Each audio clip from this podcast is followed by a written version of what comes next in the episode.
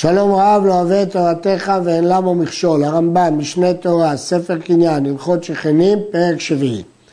מי שהייתה לו חלון בחותלו, ובא חברו ועשה חצר בצידו, אינו יכול לומר לבעל החלון, סתום חלון זה, זו שלא תביט בי, שהרי יחזיק בהיזק זה, הרי כבר החלון היה, ולכן הוא לא יכול לטעון, אתה מזיק לי, תסתום.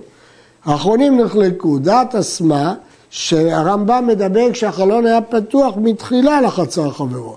לעומת זאת, טורי זהב אומר, כשמדובר פה אפילו שהחלון היה פתוח לחורבת חברו, וכן משמע מהרשב"א, כיוון שהחברו לא מחק, גם אם הוא יבנה שם חצר, וכך משמע מהרמב"ם, הוא לא יכול למחות בידו כי הוא החזיק.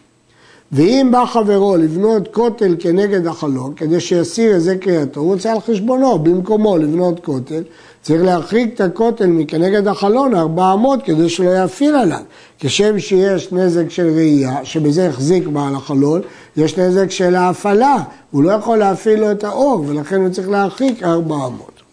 הייתה החלון למטה בכותל, כופה את חברו לבנות כנגדה בריחוק ארבע אמות, ולהגביה הבניין ארבע אמות כדי שלא יביט בו מן החלון.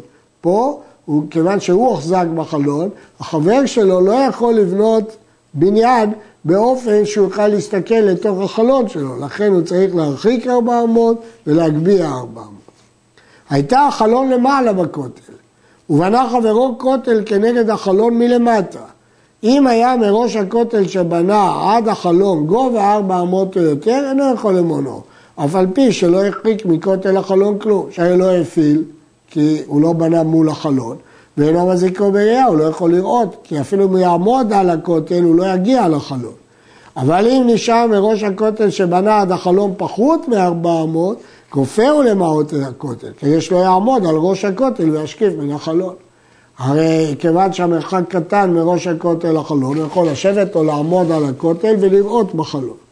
או יגביה הכותל לחלון ארבע אמות, ויהיה הכותל רחוק מן החלון ארבע אמות כדי שלא יאפיל ולא יציץ ויראה. אם כן, יש שני דינים. דין אחד שאסור לו להפיל עליו, ודין שני שאסור לו שתהיה אפשרות שהוא יראה לתוך חלונו. בנה כותל אחד בצד החלון, כלומר ניצב לחלון, לא בצד של החלון, אלא כותל שניצב לצד של החלון, צריך להרחיק מן החלון טפח ומגביה הכותל ארבע אמות על החלון, או כונס ראש הכותל, כדי שלא ישב עליו ויציץ. הוא צריך קודם כל להרחיק טפח, אחר כך להגביה או לכנוס את ראש הכותל, כדי לעשות אותו בשיפוע, כדי שלא ישב אה, ויציץ. רש"י אומר שבכל מקרה צריך לשפע את הראש, כך הוא לומד בגמרא, שבכל מקרה צריך להיות משופע. לפי הרמב"ם יש שתי אפשרויות, או להגביה ארבע אמות על החלון, שהוא לא יוכל להציץ, או עושה אותו משופע, ואומר מישנה שהמציאות מוכיחה כדברי הרמב"ם. בנה שני כתלים משני צידי החלון, כלומר החלון היה פה והוא בנה שני כתלים ניצבים לחלון, והחלון צריך שיהיות ביניהם רוחב ארבע אמות והחלון באמצע ארבע, ולא יסתכך על גביהם, כי הוא יאפיל עליו, אלא אם כן הרחיק הסיכוך מן הכותל שיש בו החלון ארבע אמות כדי שלא יאפיל עליו. לפיכך, בגלל כל ההלכות הללו, מי שבא לפתוח חלון לחצר חברו, בין חלון גדולה, בין חלון קטנה, בין למטה, בין למעלה, בעל החצר מעכב עליו. אם הוא לא מוחזק, יכול להקל לה, שהרי אומר לו, תזיק לי בראייה, ואף על פי שהיא גבוהה, תעלה בסולם ותראה. ולכן, אם הוא לא הוחזק בחלון, הרי בעל החצר יכול למחות בידו ולאסור עליו לפתוח חלון. הרי שפתח חלון לחצר חברו, הוא מחל לו בעל החצר.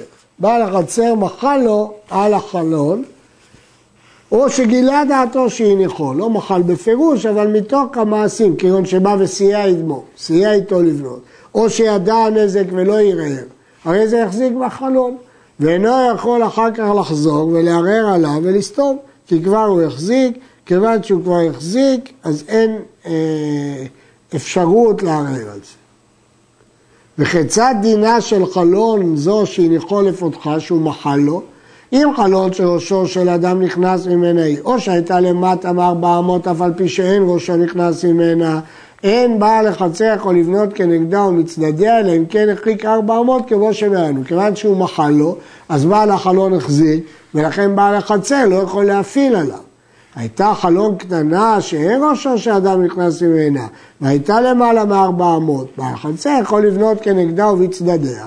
שהרי טוען ואומר, לא הנחתיך לפתוח, אלא מפני שהיא קטנה וגרועה, לכן מחלתי ולא מחיתי. אבל שתחזיק עליי עד שארחיק הבניין, לא הנחתי. אני הבנתי שאתה רוצה את זה לאוויר, לא לאור. במה דברים אומרים שפתחה לתשמיש כדי שכנס בה רוח, אבל אם פתחה לאורה, ברור שהוא פתח את זה לצורך אור, אפילו הייתה קטנה ביותר וגבוהה ביותר, הואיל ולא ייראה, החזיק. כל אחד הבין שהוא פתח את זה לצורך אור, ואין בעל החצר יכול לבנות כנגדה ומצדדיה עד שירחיק ארבע אמות, כדי שלא יפעיל עליו, שהרי מחל לו על ההוראה. וכן מי שהייתה לו חלון מוחזקת, שהשני לא מחה, ובא חברו ובנה כנגדה ומצדדיה בלא הרחקה או סתמה ושתק בעל החלון, אז עכשיו, כיוון שהוא שתק, הוא ויתר. אינו יכול לחזור ולערער לפתוח חלון או להרחיק הבניין, שכיוון ששתק, מחל. שאין אדם עשוי שסותמים אורו בפניו ושותק, אלא אם כן מחל. וכיוון שהוא מחל, אז יש חזקה. זאת שיטת הרמב"ם, אה, כפי פירושו במשנה בבבא בתרא, וזהו גם פירוש רבו ארי מיגש. לעומת זאת, הרמב"ן, הרשב"א והרעב"ד סוברים כמו הריף, שלעולם אין חזקה להיזק ראייה.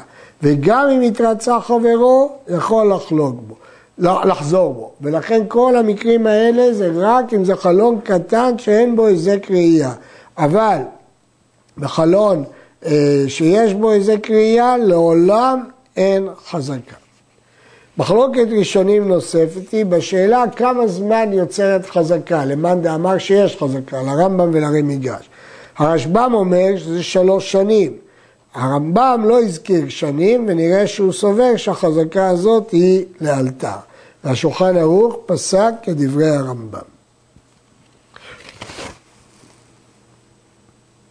מי שהיו לו חלונות למטה בחוטלו, ובא חברו לבנות בפניהם, ואמר לו, אני יודע שאני מפריע, מאפיל לך, נסתום את החלונות האלה ואני אפתח לך חלונות אחרות בחוטל זה עצמו למעלה מאלו.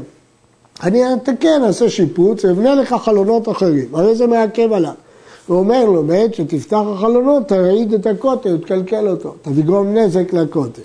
ואפילו אמר לו, אני אסתור כל הכותל, אבנה לך אותו חדש, ואעשה בו חלונות למעלה, ואזכור לך בית שתדעו בו עד שייבנה.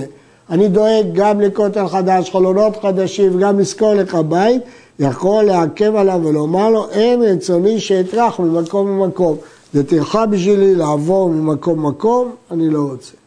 לפיכך, אם לא היה שם טורח כלל, ואין צריך לפנות, אני לא יכול לעכב עליו. אם בקלות הוא יכול לבנות ובלי להפריע לו, הוא לא יכול לעכב.